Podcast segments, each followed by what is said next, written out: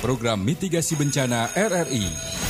Menghadirkan diskusi mengenai kebencanaan dan upaya tanggap bencana. Inilah Dialog Kentongan. Selamat sore dan Assalamualaikum warahmatullahi wabarakatuh. Apa kabar Anda sore hari ini? Inilah siaran radio Tanggap Bencana Kentongan, program nasional RRI atau Radio Republik Indonesia di mana seluruh RRI berkewajiban memberitakan dan juga menginformasikan segala sesuatu yang berkaitan dengan mitigasi bencana. Sore hari ini RRI Cirebon hadir kembali dalam program Kentongan dan kita akan uh, fokus mengenai mewaspadai penyakit-penyakit yang kemungkinan akan muncul ketika terjadi bencana terutama saat ini musim penghujan tentu kalau Anda masyarakat kota dan kabupaten Cirebon lah ya uh, ini sudah paham betul ya memasuki musim penghujan ini yang harus diperhatikan adalah soal banjir. Tapi soal banjir ini bukan hanya soal air ya karena pasca banjirnya itu yang harus diperhatikan. Ada penyakit-penyakit yang mungkin secara tidak kita sadari tiba-tiba menghinggapi kita. Itu yang kita akan bahas dan saya akan perkenalkan terlebih dahulu tamu-tamu kita yang sudah hadir di studio untuk uh, berdiskusi.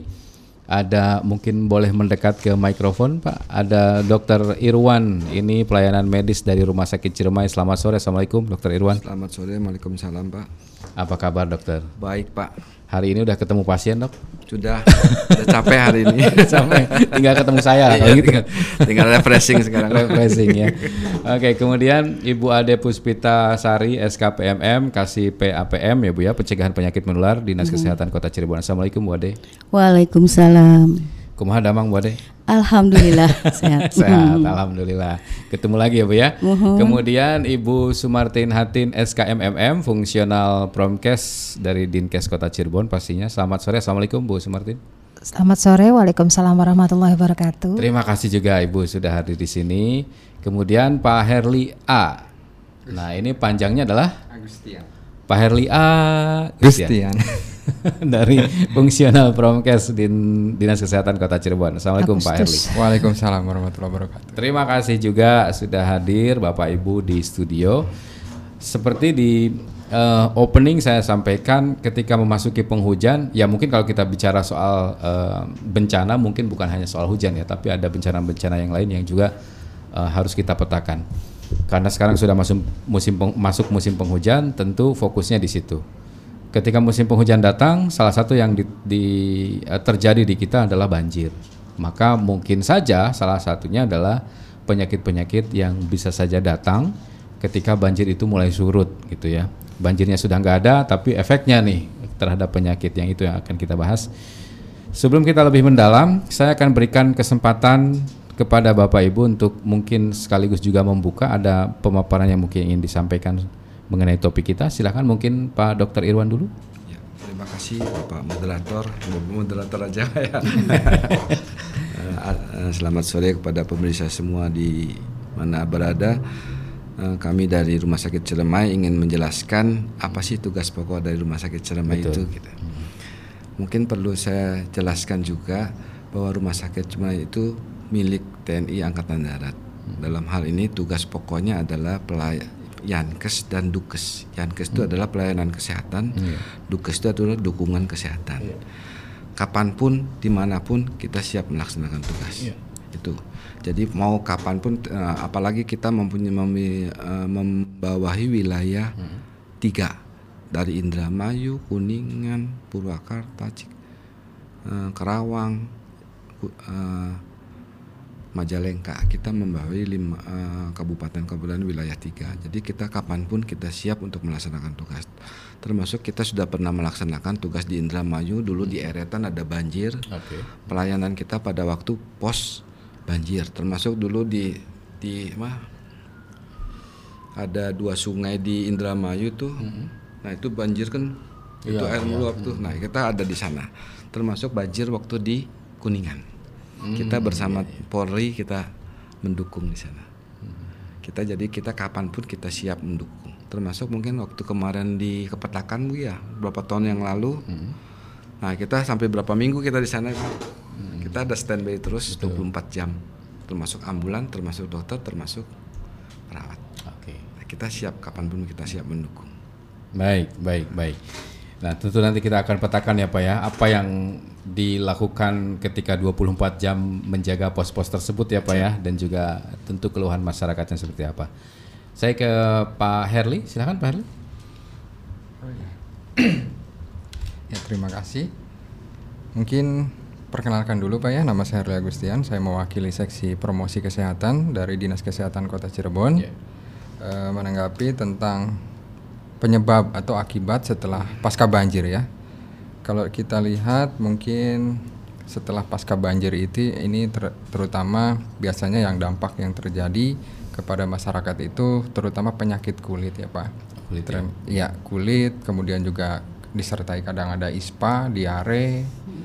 Ya, terus kemudian juga kadang kalau kita lihat dampak lingkungan setelah banjir itu ada beberapa penyakit uh, kayak seperti keracunan makanan pernah oh. terjadi pak ya keracunan hmm. makanan seperti itu dan kemudian mungkin untuk himbauan dari saya pribadi ataupun mungkin mewakili seksi promosi kesehatan mungkin larinya ke perilaku pak hmm. ke perilaku masyarakat agar senantiasa menjaga perilaku hidup dan bersih atau PHBS, PHBS yang sering kita ya. ya yang sering kita ketahui itu ya. Ya, baik terima kasih okay. tanggapannya. Baik, uh, silakan Ibu Sumartin. Baik, terima kasih. Uh, tadi sudah disampaikan barangkali saya pun sama perwakilan dari seksi promosi dan pemberdayaan kesehatan Dinas Kesehatan Kota Cirebon. Dalam hal ini barangkali kita untuk prolog ya. Hmm. Kali Pak Herli sudah menyampaikan penyakit yang kemungkinan timbul pada saat banjir. Nah ini juga ada beberapa tips kalau sudah kebanjiran mau gimana nah. nih. Iya karena karena ternyata kan kota Cirebon sudah ada yang kena banjir daerah-daerah tertentu yang memang sudah mengalami kejadian-kejadian banjir ini. Jadi ketika kita mengalami kebanjiran itu ada beberapa tips yang harus kita perhatikan yaitu pertama menghindari berjalan melewati genangan air. Karena hmm. di situ kita tidak tahu di bawahnya itu apakah ada paku ataukah yeah, ada yeah. ular atau ada apa pun. Nah itu kita hindari. Kemudian yang kedua adalah menjaga kebersihan secara rutin. Nah ini kalau yang tadi disampaikan PHBS hmm Ya ini harus dibudayakan sebenarnya bukan hanya diucapkan, bukan hanya diingat tapi juga di, menjadi suatu budaya dan menjadi suatu uh, kebiasaan bagi kita semua untuk selalu ber-PHBS yang yang di sini artinya adalah perilaku hidup bersih dan sehat. Kemudian yang ketiga bila ada luka pada saat banjir ini adalah uh, sesuatu yang sangat riskan hmm. karena luka ini akan menimbulkan infeksi. Untuk itu yang bagi yang memiliki luka ya harus dilakukan menutup luka. Yang keempat biasanya pada saat banjir itu ada banyak selain binatang-binatang yang keluar juga ini nyamuk-nyamuk pun ada sehingga ini harus diwaspadai terutama gigitan nyamuknya. Kemudian yang kelima kita harus menggunakan alat pelindung saat membersihkan rumah dan membuang makanan yang sudah terkontaminasi oleh banjir. Artinya kalau sudah kena air banjir sebaiknya hmm, udahlah buang saja ya. untuk dikonsumsi lagi. Ya, hmm. Ya mungkin seperti itu untuk uh, sekilas Baik. pendahuluan kita. Terima hmm. kasih. Baik, Bu Ade, silakan Bu Ade. Uh, Assalamualaikum warahmatullahi wabarakatuh. Waalaikumsalam. Saya Ade Puspitasari.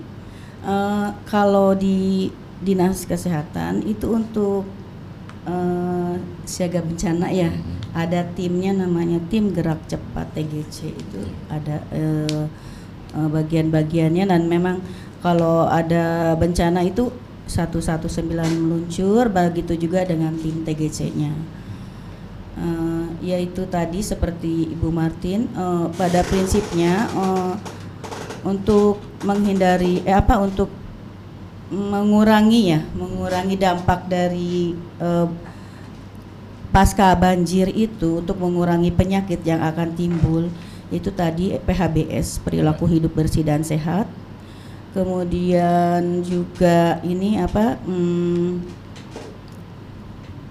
menghindari air yang genangan itu dengan kalau ada ya pakai sepatu atau hmm. alas kaki ya sepatu bot seperti itu kemudian sekarang ini kan e, banjir tidak hanya ini ya e, bisa efeknya itu bisa jadi DBD meningkat betul, ya. Betul. Nah dengan cara yaitu e, kalau ini sih e, dengan digosok apa dengan oles dengan ala, e, obat nyamuk gitu ya. Hmm. Sebenarnya kalau yang paling aman itu dengan raket sih sebenarnya ya. Kalau bakar yang banyak bakar gitu ya? itu iya elektrik. Hmm. Kalau obat ba uh, yang bakar tuh memang ada efeknya ke yang dihirup gitu. Hmm. Kemudian pakai kelambu ya kalau ada untuk mengalihkan. Karena kan yang ditularkan dari ini penyakit itu bisa dari nyamuk kan. Nyamuk itu hmm. bisa jadi demam berdarah, Betul. bisa jadi malaria, bisa jadi itu apa macam-macam cikungunya dan lain-lain gitu dari nyamuk itu. Uh, terus uh, banyak minum air hangat ya. Hmm. bersihan lingkungan gitu. Berarti alat-alat ini alat-alat untuk uh, kalau ini mah APD ya? Yeah. APD aksesoris hujan berarti mantel jas hujan itu harus hmm. disiapkan. Alat pelindung alat, alat pelindung, pelindung diri, diri ya, saat APD, hujan ya, ya APD kalau kita di kesehatan bilangnya APD jadi kalau bisa dua, satu disimpan di kantor, satu dibawa barangkali kelupaan dari kantor pulang hujan ya hmm. sudah ada tersedia atau di sekolah atau di di mana gitu di tempat kita kerja. Oke. Okay. Nah, itu sebagai uh, prolog dari masing-masing narasumber sudah disampaikan pendengar dan bagi yang ingin bertanya juga uh, kami nantikan di 02318493259 atau SMS serta WhatsApp di 081324 951935 kami nantikan juga pendapat Anda nanti. Uh, topik kita mengenai mewaspadai penyakit di musim penghujan. Kita akan belajar dari musim penghujan yang lalu kalau begitu. Kita akan mulai dari situ sehingga kita bisa tahu kemungkinannya um, akan terjadi apa di uh, musim hujan kali ini dan apa yang harus dipersiapkan dan seterusnya Mungkin Dokter Iwan bisa menyampaikan karena tadi menarik juga nih di tiap kali ada kejadian langsung ada pos-posnya ya Dokter Iwan ya di mana-mana. Jadi sebenarnya kita tuh ada pos di tiap kodim-kodim kita ada punya pos ya. jadi pos kesehatan untuk kesdim lah kalau zaman dulu istilahnya kesdim. Tapi sekarang udah pos kesehatan, poskes gitu. Nah, jadi sebenarnya gini, bagaimana kita tuh agar dampak daripada banjir itu minimal. Hmm itu kan yang penting sekarang Betul. dampak dari minimal karena, karena kalau mencegah banjirnya kayaknya sulit. sementara sih ah, sulit ya. Jadi harusnya ya bagaimana kita mem meminimalisir, meminimalisir dampaknya. Jadi kita dengan sebelum kita terjadi banjir kita sudah tahu apa yang harus kita perbuat. Oke. Okay. hmm. contoh saluran. Hmm. saluran pembuangan. Jangan ada yang membuang sampah membuang kasur membuang itu. Hmm. karena itu akan dampaknya pasti banjir. Banjir ya Nah, coba mungkin dilihatlah di jalan-jalan di, di sungai-sungai itu banyak kotoran sampah-sampah plastik, sampah-sampah itu. Nah, itu kan sebagai sarang. Ya. Sarangnya tikus, sarangnya ular, sarangnya apa. Oh, iya, betul, betul. Nah, itu akan me menambah beban untuk efek daripada hmm. Hmm. apa hasil daripada banjir tersebut. Nah, maka mungkin lebih baik kita mencegah hmm. dengan memperbaiki ke kebersihan kita di lingkungan kita, di sungai kita, di rumah kita untuk menghindari banjir. Banjir bisa diminimalis, pasti efek samping akan minimal. Minimal juga. Ya, hmm. itu mungkin yang bisa sampaikan. Nah, terus untuk dampak daripada penyakit-penyakit yang ada di akibat banjir itu sebenarnya banyak sekali, hmm. termasuk seperti penyakit biasa, batuk pilek, demam, diare. Uh, Eh, termasuk salah satu adalah tikus leptospirosis itu penyakit yang serius. Ya, ya. Mungkin Ibu Bu F, Bu Ade yang bisa menjelaskan. Itu, bisa itu yang saya, yang serius itu Pak. Uh, uh. Penyakit yang serius karena itu membahayakan. Kadang-kadang kita lupa waktu ya. kita membersihkan di rumah kita ketemu nggak pakai apa sepatu bot apa untuk pelindung diri. Jadi kita bisa kena terkena ya. Nah, penyakit itu dari kencing tikus yang akan menularkan ke kita. Oke. Okay, okay, nah, okay. Nanti mungkin itu yang bisa sampai yang seriusnya. Kalau batuk pilek mungkin lebih gampang bu ya, udah hari-hari ya, ya. Penyakit hari-hari ya. Hmm, ya, termasuk air minum. Tapi ini menarik nih. Nah. Mungkin bisa lebih diperdalam soal penyakit yang dari tikus itu. Nah. Mungkin bisa di. Leptospirosis. Ya. Uh. Ya, sebenarnya mau Bade silakan saya dulu ya. sebentar ya. Nah, kalau leptospirosis itu kan uh, ininya dari kencing tikus ya, hmm. air kencing tikus. terkena uh, di bisa di tanah, di air ya, di tanah yang basah atau hmm. tanaman. Nah itu juga uh, keluhannya biasanya tuh demam ya. Yeah. Kemudian sakit kepala, mual, ada muntah, mata hmm. merah, menggigil, otot betis sakit, sakit perut. Nah, ini sama dengan ini apa uh, gejalanya hampir mirip, mirip dengan dengan flu ya cuman ini ada otot betis sakit ini oh. gitu mual sakit kepala demam gitu menggigil nah ini pada kasus-kasus tertentu yang yang sampai e, berat itu akan menimbulkan gejala gagal ginjal meningitis dan kegagalan pernapasan ini tapi alhamdulillahnya ya alhamdulillahnya di kota Cirebon tuh belum ada kasus kasus sampai ke sampai hmm. tahun ini ya hmm. gitu. yang ada itu kalau dari pertemuan-pertemuan di provinsi itu di ada yang di Jakarta itu Jakarta, Jakarta, oh, ya. Selatan atau apa ya yang Tangerang ke sana gitu hmm, hmm, hmm. itu sudah Masih mulai ada, ada iya, ya ada. Oke, ada yang bisa ditambahkan Bu Sumartin tadi? Ya. Tadi sebenarnya sudah disampaikan tadi gejalanya sudah. Ini sebenarnya uh, penyakit leptospirosis ini adalah penyakit yang disebabkan oleh kencingnya tikus, hmm. papa apa penyebab yang di, melalui urin atau yang disebabkan oleh uh, hewan yang terinfeksi oleh bakteri ini yaitu hmm. bakteri Leptospira interrogans ya. Nah, ini uh, gejalanya tadi sudah demam tinggi, nyeri kepala, nyeri otot, sakit tenggorokan, mata merah, bahkan tadi sudah Bu oleh Bu Ade sudah disampaikan sampai yang beratnya yaitu ke ginjal. Nah, uh, leptospirosis ini biasanya bersinggungan dengan urin, darah, dan jaringan dari binatang yang membawa bakteri tersebut, dan juga dari air, air yang terkontaminasi dengan bakteri. Jadi bukan hanya dari binatang yang hmm. langsung, tapi dari secara tidak langsung bisa juga disebabkan oleh air yang terkontaminasi atau tanah atau juga oleh seseorang yang terkena uh, leptospirosis jika tergigit binatang yang terinfeksi penyakit tersebut. Nah, oh, menular. Iya, maksudnya ya kalau hati misalnya bersinggungan gitu terkena ya. Hati-hati digigit. tikus ya. Iya, jadi bakteri leptospira ini dapat masuk ke tubuh melalui kulit yang rusak.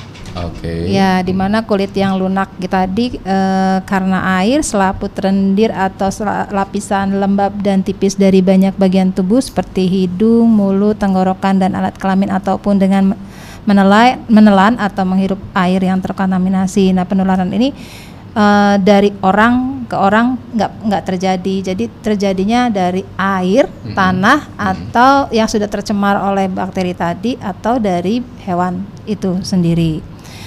Sehingga untuk itu kita uh, sebaiknya menjaga uh, kebersihan agar terhindar dari leptospirosis ini dengan cara membersihkan sekeliling rumah. -huh. sebelum banjir melanda.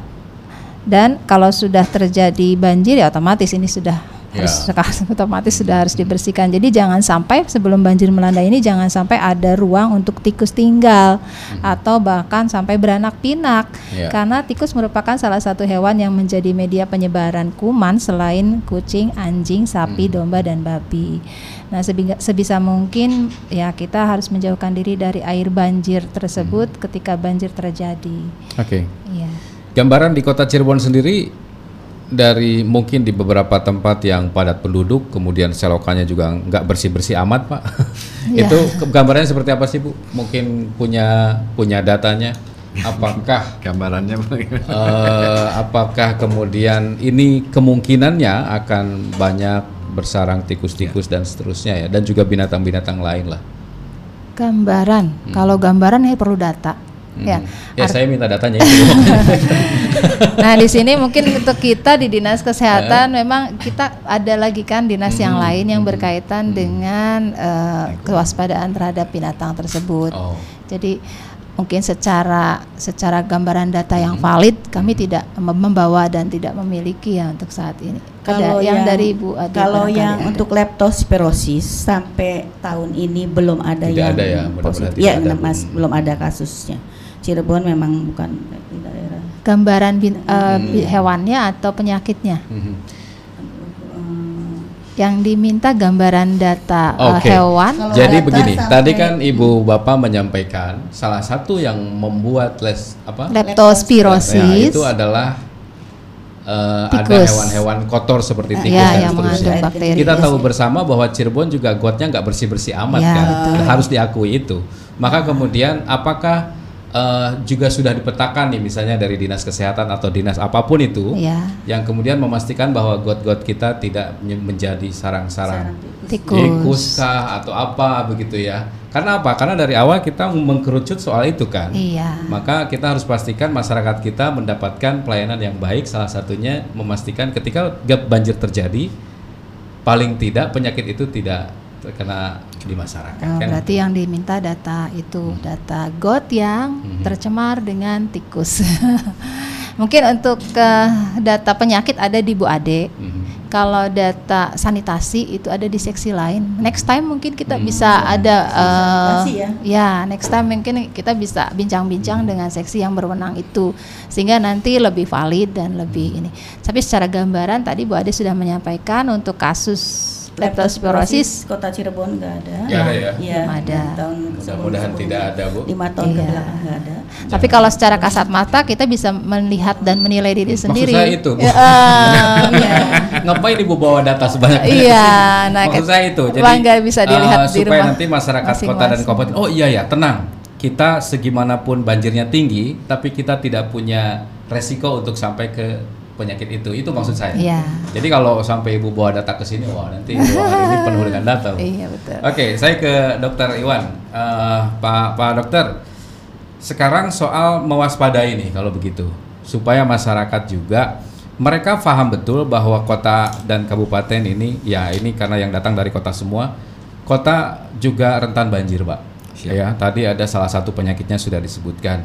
Sekarang anggaplah banjirnya belum terjadi Kira-kira apa apa saja ini yang mereka harus persiapkan sehingga ketika banjir terjadi paling tidak tadi disampaikan Dokter Irwan meminimalisir ya. gitu. Silakan. Jadi sebenarnya jadi sebelum banjir kita harus berbenah diri. Hmm. Setelah banjir pun kita harus berbenah, berbenah diri. diri. Jadi sebelum banjir berbenah diri bagaimana? Ya mungkin konteksnya yang berbeda. Hmm. Kalau sebelum banjir kita mungkin selokan kita bersihkan, got-got yang mampet, termasuk semua pembuangan sampah, pembuangan ini. Jadi bag, agar kita meminimalisir banjir tersebut. Misalnya contoh uh, daerah atas tuh hmm. uh, hulunya ya. Hulunya ternyata banyak sampah. Akhirnya tadinya banjir cuma satu meter, akhirnya jadi sampai berkilo-kilo iya. hmm. karena tidak ada pembuangannya.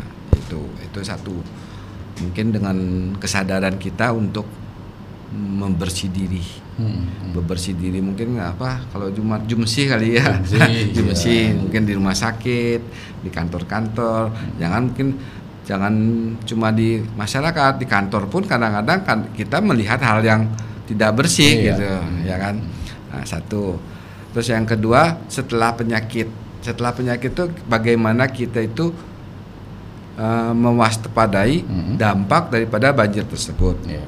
Salah satu contoh adalah pada waktu dia banjir, itu yang menjadi masalah adalah hipotermi, hmm. kedinginan. Hmm. Pada orang usia tua dengan kedinginan itu bisa meninggal karena hipotermi. Betul. Nah itu hati-hati kita pada waktu dia banjir. Makanya selalu kita harus mewaspadai orang usia tua dan bayi-bayi hmm. anak-anak itu. Kedua hipotermi. Ke satu kedua adalah tenggelam.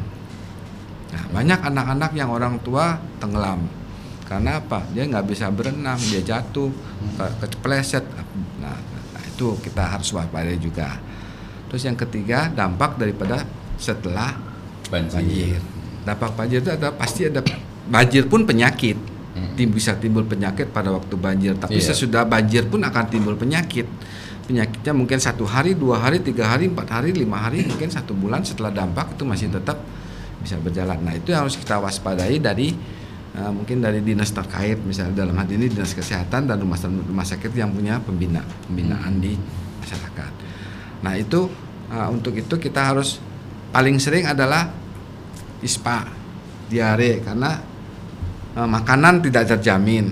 Iya tempat tidur tidak terjamin karena kadang kita tidur sembarangan namanya tidur sembarangan ya kena angin kena apa nggak ada selimut makanan pasti karena apa kadang-kadang suplai kurang ya bu ya atau asal ketemu makan asal, gitu asal ketemu makan terus air minum yang penting air minum hmm. ternyata air minum penting Kenapa? Itu suplai utama kita air minum. Orang nggak makan sebulan sama nggak minum sebulan beda hasilnya. Iya iya. iya. Nah, terus uh, ketika jamban itu kadang-kadang dilupakan MCK. MCK ya.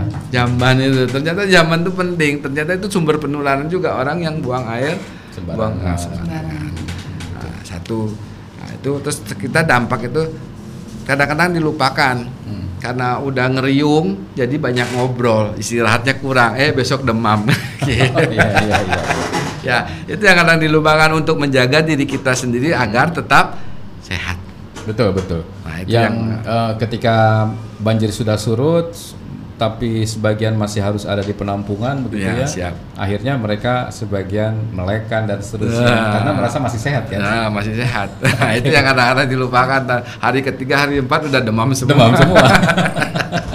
Oke, okay. ya. saya yakin Bapak Ibu punya pengalaman banyak ini soal menangani uh, masyarakat yang berada di penampungan. Nanti ya. cerita-cerita ya mengenai bagaimana sebenarnya ya uh, apa namanya wajah penampungan-penampungan kita ketika terjadi bencana dan keluhan apa sebenarnya yang banyak di, dirasakan oleh masyarakat ketika satu, dua, tiga hari setelah uh, banjir atau bencana-bencana lain datang.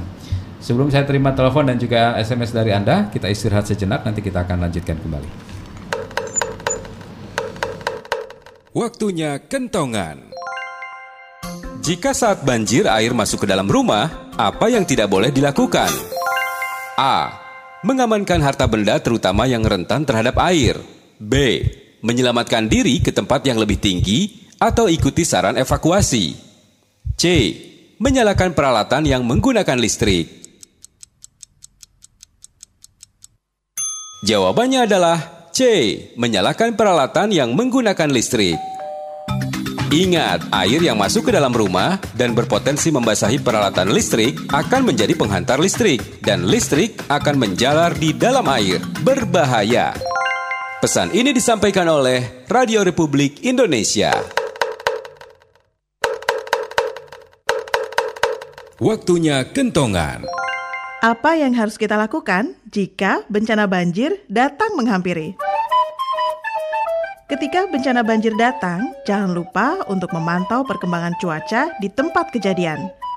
Untuk Anda yang terkena dampak banjir, dihimbau menjaga kesehatan agar tidak menambah korban banjir. Pastikan untuk tidak panik dan berusaha bisa menyelamatkan diri. Bila hujan tidak berhenti dan lebat, segera evakuasi diri ke tempat yang lebih tinggi dan aman sesuai informasi dari aparat setempat. Jangan lupa untuk membantu sesama yang membutuhkan untuk pergi ke tempat yang lebih tinggi dan juga untuk mereka yang terluka akibat banjir. Mari siapkan diri hadapi bencana. Pesan ini disampaikan oleh Radio Republik Indonesia.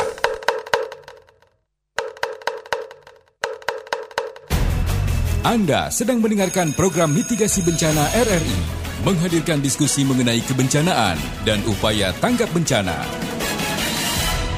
Dialog Kentongan.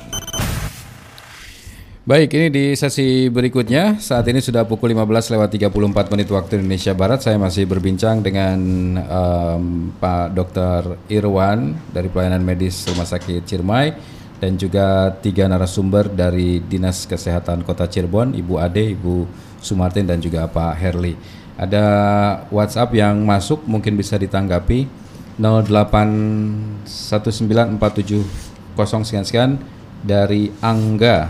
Ketika banjir terjadi, sampai berapa hari seseorang bisa sehat sampai kemudian mulai terserang penyakit? Siapa dulu yang mau menanggapi? Pak Dokter silakan Pak ya, Dokter. Ya, terima kasih. Siapa dengan siapa? Mas Angga Mas Angga. Sebenarnya nggak bisa dibilang berapa hari, hmm. tapi kadang-kadang dampak itu bisa timbul satu hari, dua hari, tiga hari sampai tergantung ya, setiap tergantung, orang berbeda ya, gitu ya. Tergantung berbeda. Oh. Karena kondisi dia itu makanya pasien uh, orang yang berdampak dari banjir harus dia menjaga kesehatannya. -hmm. Dia bisa nggak sakit kalau oh. dia bisa menjaga kesehatannya. Tapi kalau seumpama uh, diare, demam tuh satu hari dua hari juga bisa dampak dia. Hmm, karena mungkin airnya kotor kan terus nggak mandi gatel-gatel satu hari dua hari juga bisa berdampak gitu. Artinya tapi sembuhnya bisa satu bulan. betul. ya, kalau gatel sembuhnya satu bulan. iya ya. Uh, setiap orang punya daya tahan yang berbeda-beda mungkin ya. ya. Betul. Oke, mungkin ada yang mau ditambahkan? Silahkan Bu. Untuk yang di penampungan. Yang tadi yang pertanyaan Pak eh Mas siapa Mas Angga, Angga. itu. Hmm. Tadi Mas Angga menanyakan menanyakan hmm. mengenai berapa hari seseorang ketika uh, banjir itu bisa mulai terkena penyakit. Ya betul. Sebenarnya tadi sudah dijawab ya oleh Dokter Iwan. Ya memang satu kita tergantung pada uh, kondisi, kondisi orang hmm. tersebut. Kedua tergantung pada perilaku dia pada saat uh, uh, situasi kondisi dia saat itu dia apa yang sudah dia lakukan dan apa yang sudah dia uh, apa namanya laksanakan itu. Hmm. Kemudian yang ketiga adalah lingkungan. Kalau misalnya pada saat banjir dia dia istilahnya semakin malah malas-malasan, hmm. kemudian tidak menjaga kesehatan dirinya sendiri menunggu menunggu nanti dari bantuan atau misalnya menunggu dari uh, ah, nanti ada bantuan luar untuk membersihkan lingkungan sekitar atau dia hmm. sendiri tidak mencoba untuk menjaga kesehatan diri. Nah, ini mungkin akan lebih mem lebih uh, memperburuk keadaan yeah. yang bersangkutan pada saat dia uh, di, de, terkena bencana banjir tersebut. Hmm, oke. Okay. Mas Angga, terima kasih. Mudah-mudahan sudah terjawab. Itu kembali kepada daya tahan tubuh seseorang ya. Betul. Artinya setiap orang punya daya tahan tubuh yang berbeda-beda.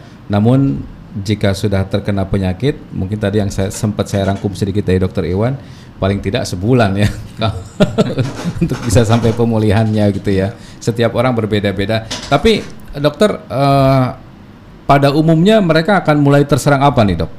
Ketika nah, pasca banjir? Bisa gatel mm -hmm. karena tampak dari kena air, bisa demam, hmm. batuk pilek lah diare hmm. sering juga itu oh itu ya, ya yang pada umumnya akan menghadapi umumnya, menghinggapi ya. seseorang ya ketika uh, yang, pas banjir itu ya, ya oke okay.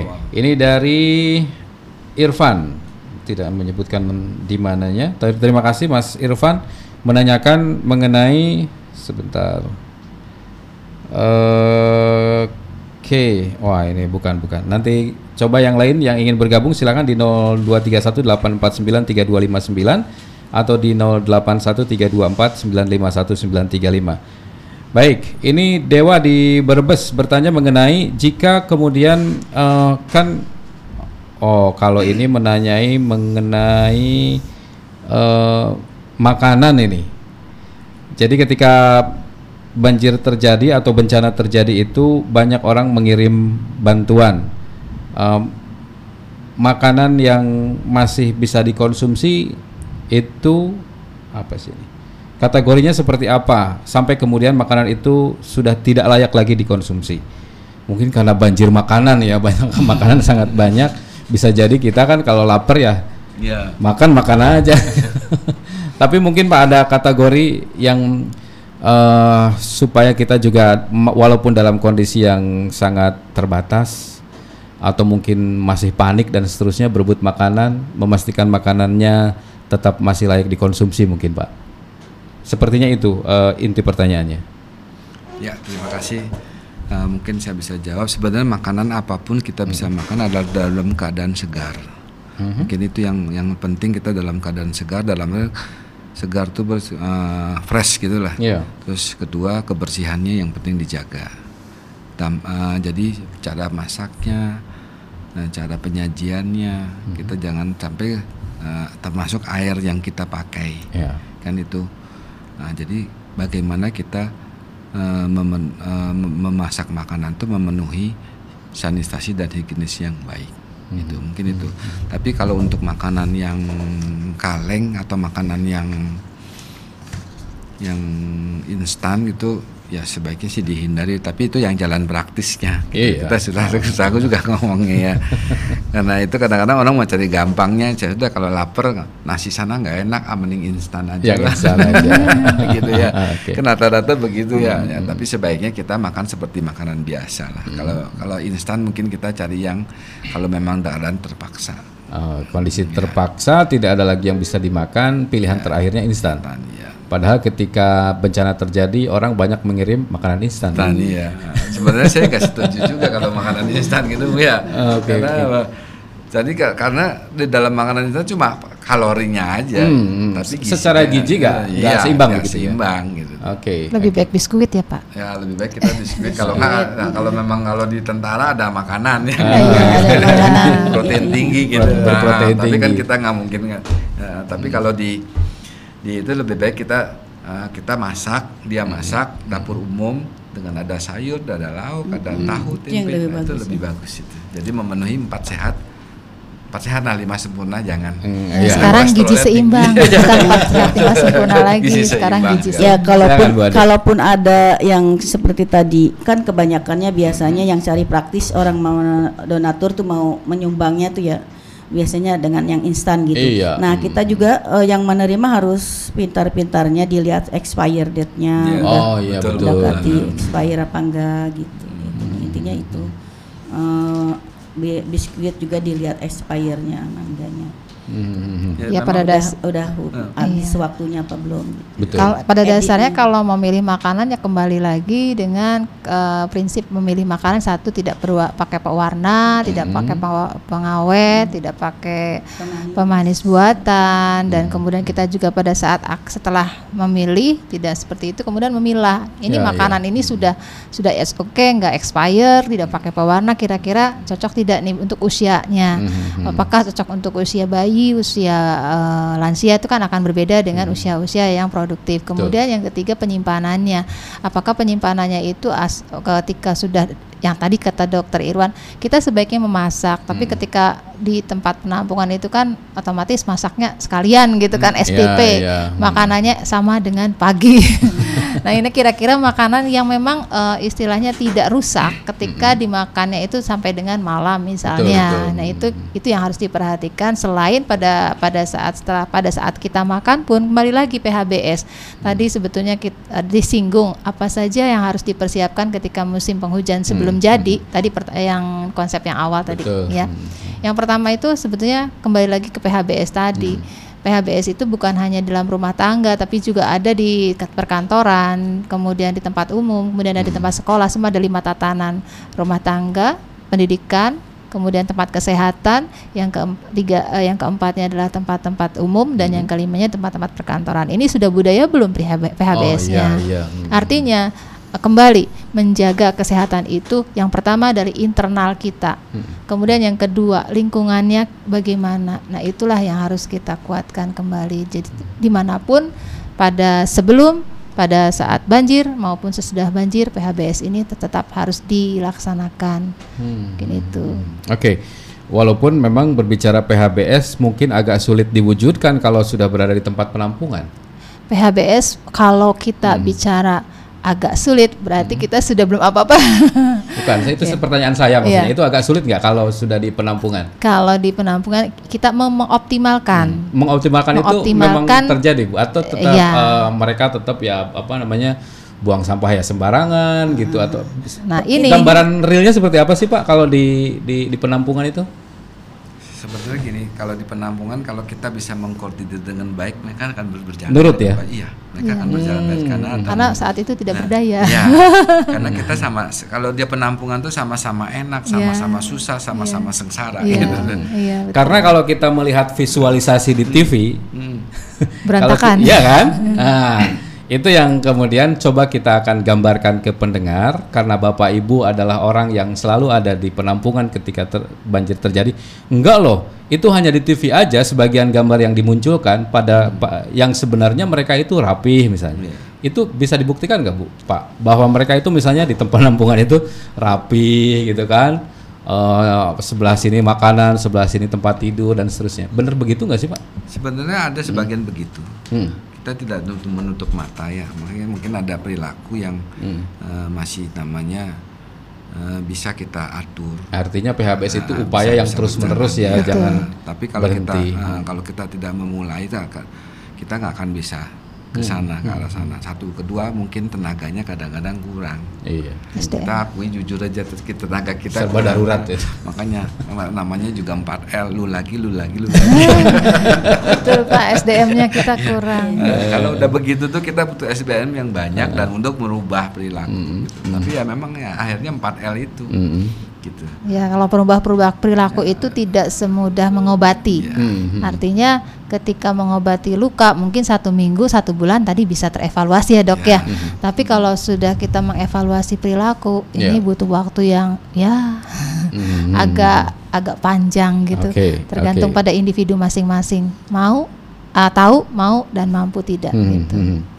Intinya kita sudah dapat gambaran ya bahwa uh, ya kita harapannya sih masyarakat yang selama ini tidak pernah kejadian apa mereka harus berada di penampungan-penampungan sih mudah-mudahan tidak terjadi ya. Tapi Jangan paling tidak mereka punya gambaran oh di penampungan itu seperti itu memang kenyataannya. Ada soal keracunan makanan, misalnya tadi disebutkan uh, mengkonsumsi sesuatu yang mungkin tidak semua orang teredukasi bahwa dia makan yang baik atau yang tidak. Berarti apakah di pos-pos uh, apa namanya kesehatan itu juga um, menyediakan secara khusus um, misalnya obat-obatan supaya ketika mereka benar terjadi keracunan makanan dan seterusnya atau bagaimana? Biasanya begitu. Hmm. Jadi kita dari dari penyakit apa pun kita siapkan obat-obatan hmm. termasuk infusan karena kalau obat orang diare itu kan obatnya infus sebetulnya iya, iya. Hmm. nggak ada obat relatif lah obat simptomatis cairan, ya, cairan. Ya, jadi infus. Jadi kita biasa sudah siapkan infus siapkan ambulan. Kalau kita bisa tangani dalam waktu saat itu kita hmm. bisa tangani. Tapi kalau nggak bisa kita akan rujuk. Kita bawa. Kita rujuk. hmm. rujuk. Ke tempat yang terdekat atau ke puskesmas yang ada perawatannya. Oke, okay. sekarang mengenai SOP-nya sebelum kita akan istirahat, SOP ketika terjadi bencana mungkin sekarang kita lebih melebar bukan hanya banjir ya Pak ya, uh, harapannya tidak ada bencana ini di kita ini tapi uh, barangkali terjadi bencana maka SOP khusus untuk pos-pos kesehatan biasanya isinya apa saja sih? Dari dinas kesehatan dulu mungkin? Uh.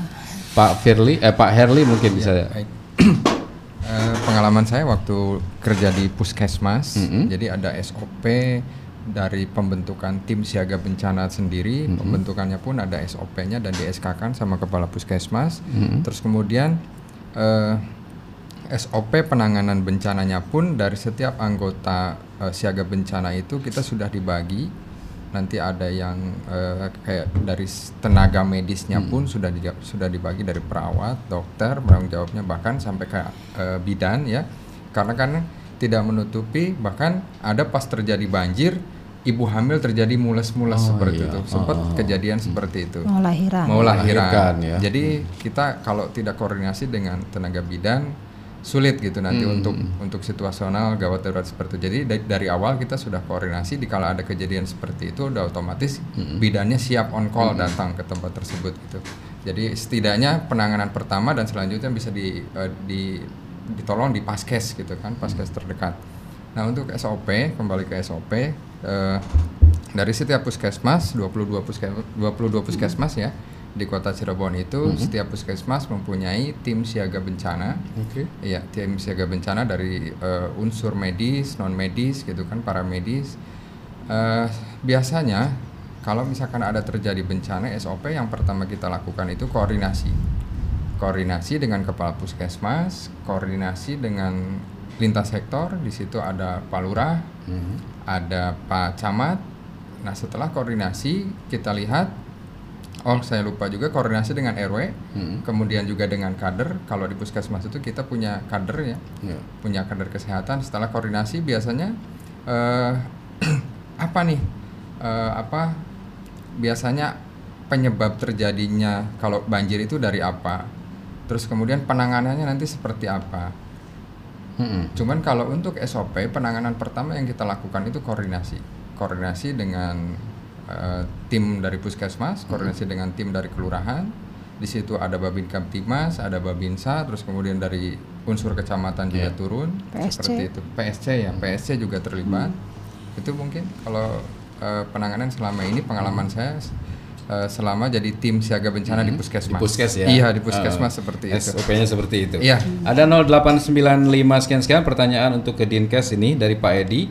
Uh, apakah sering dilakukan simulasi-simulasi di kelurahan-kelurahan mungkin simulasi siaga bencana, siaga bencana ya. Iya. Silakan mungkin bisa dijawab. Oh ya, untuk siaga bencana simulasi ini sudah dilaksanakan oh, sebenarnya ya. di Kota Cirebon ya ini ya, bicara ya. di Kota Cirebon ini dilakukan oleh yang namanya PSC. PSC, PSC ini ada di UPT Kesus, Kesus. di depannya Rumah Sakit Gunung Jati. Di situ hmm. ada UPT Kesus yang dikenal lagi dengan teleponnya 119. Hmm. Nah, 119 ini ya, yang akan melayani semua warga Kota Cirebon pada saat terjadi kegawat, kegawat daruratan. daruratan. Baik kegawat daruratan karena penyakit, kecelakaan hmm. maupun gawat daruratan karena bencana. Ya itu seperti itu. Hmm. Oh justru sudah dilakukan ya bu ya? Ya. Iya, uh, ada kampung siaganya kita. Ada kampung siaganya. Ya. Nah, Kalau okay. di hmm. di sebenarnya secara leg, apa regulasi secara ininya hmm. apa legal aspeknya namanya dulu uh, ininya Permenkesnya itu desa siaga aktif. Desa Hanya siaga. karena kita di kota Cirebon itu satu puskesmas membawahi satu kelurahan, hmm. di mana satu kelurahan itu ada beberapa RW sehingga uh, kita namanya lebih lebih fokus lagi kampung siaga. Oh, iya. uh, di situ dari kampung siaga itu tiap kelurahan ada uh, fasilitator warga siaganya hmm. dan tiap-tiap RW itu ada kader-kader kampung siaganya yang berperan sebagai sebagai uh, tokoh masyarakat hmm. pada saat ada kegiatan-kegiatan yang memang membutuhkan kesiapsiagaan bukan hanya kesiapsiagaan untuk penurunan AKI yeah. AKB hmm. angka kematian ibu dan bayi tapi juga kesiapsiagaan untuk penanganan gawat daruratan bencana tersebut juga ada. Baik. Ini um, menjadi sebuah keoptimisan kita nih Bapak Ibu ketika berbicara mengenai kelompok-kelompok masyarakat yang sudah sadar seperti itu sehingga ketika terjadi bencana tentu harapan kita meminimalisir ini lebih ini ya lebih kuat ya karena mereka sudah bisa secara mandiri begitu ya. ya.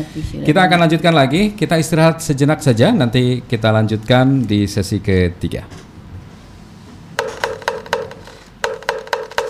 Waktunya kentongan. Berikut beberapa hal yang harus diperhatikan saat terjadi genangan air di sekitar kita. Segera evakuasi ke tempat yang lebih tinggi. Jika ada arahan petugas, ikuti. Waspada arus bawah, saluran air, kubangan, dan tempat-tempat lain yang tergenang air. Jika Anda dievakuasi petugas, amankan rumah Anda terlebih dahulu dengan mengunci pintu dan jendela jika masih bisa dijangkau. Matikan semua jaringan listrik. Arus listrik yang terkena air akan menjalar menghantarkan listrik hingga KWH Anda mati. Jika harus berjalan di air, gunakan tongkat. Pastikan jalan yang dilewati tidak bergerak dan cukup kuat untuk dilewati. Jangan menggunakan mobil. Mesin mobil akan mati jika saluran utama menuju mesin tersumbat air. Dan jika arusnya cukup kuat, mobil Anda bisa terseret air. Bersihkan dan siapkan penampungan air untuk jaga-jaga jika mulai kesulitan air bersih. Pesan ini disampaikan oleh Radio Republik Indonesia.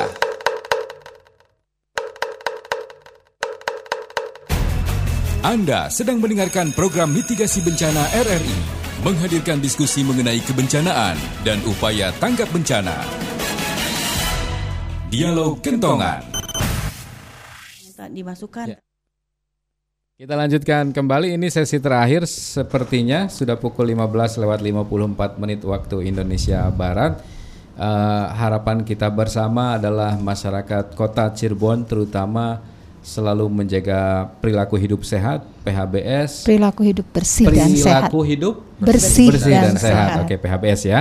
Dan juga uh, memastikan apa namanya ketika terjadi bencana itu paling tidak kita bisa meminimalisir. Kalau kalau bencananya mungkin belum bisa kita apa namanya uh, tolak kita begitu tolak, ya. Iya. Apalagi sekarang musim hujan, tapi paling tidak uh, efek yang efek, ditimbulkannya ya. karena masyarakat saya pikir tadi dari obrolan hampir satu jam ini khusus masyarakat kota Cirebon ini bolehlah kita menyebutkan mereka sudah siap menjadi masyarakat tangguh bencana ya karena di tiap kampung tadi sudah dilatih BHD dilatih. dan uh, hmm, kesiagaan bencana. Baik, ini kita harus segera mengakhiri dialog kita. Uh, sepertinya kita ke closing statement. Kita akan berikan kesempatan masing-masing memberikan himbauan kalau begitu untuk masyarakat terutama kota Cirebon dan sekitarnya yang sore hari ini sedang mendengarkan. Mungkin dengan dengan kemungkinan bencana mereka yang berbeda-beda ya. Uh, ada yang di lereng dan seterusnya dengan dengan kemungkinan bencana yang berbeda-beda. Silahkan Dokter Irwan dulu. Ya, terima kasih Pak. Nah, mungkin yang penting sekarang kita harus mewaspadai dampak daripada lingkungan termasuk cuaca. Hmm. Jadi misalnya hujan kita harus tahu kapan kita uh, melihat bahwa itu akan terjadi banjir hmm. atau di, kita tinggal di daerah lereng misal daerah Ciperna lereng itu yang rawan longsor ya kita harus hati-hati dengan daerah itu. Jadi kita bisa menilai di mana tempat kita uh, berpijak pada saat itu. Misalnya daerah rendah biasanya lebih sering banjir. Yeah. Daerah lereng mungkin seperti jangan sampai dampaknya seperti di kuningan dulu hmm. air bah tapi iya, begitu yeah. besarnya. Nah itu jadi karena mereka tinggal di lereng jadi habis semua dihantam. Gitu. Hmm. Nah itu yang penting. Jadi kita tahu kita uh, tinggal di tempat yang relatif lebih aman. Aman. Gitu. Mungkin okay. itu yang bisa saya sampaikan. Baik. Silakan Pak Herli.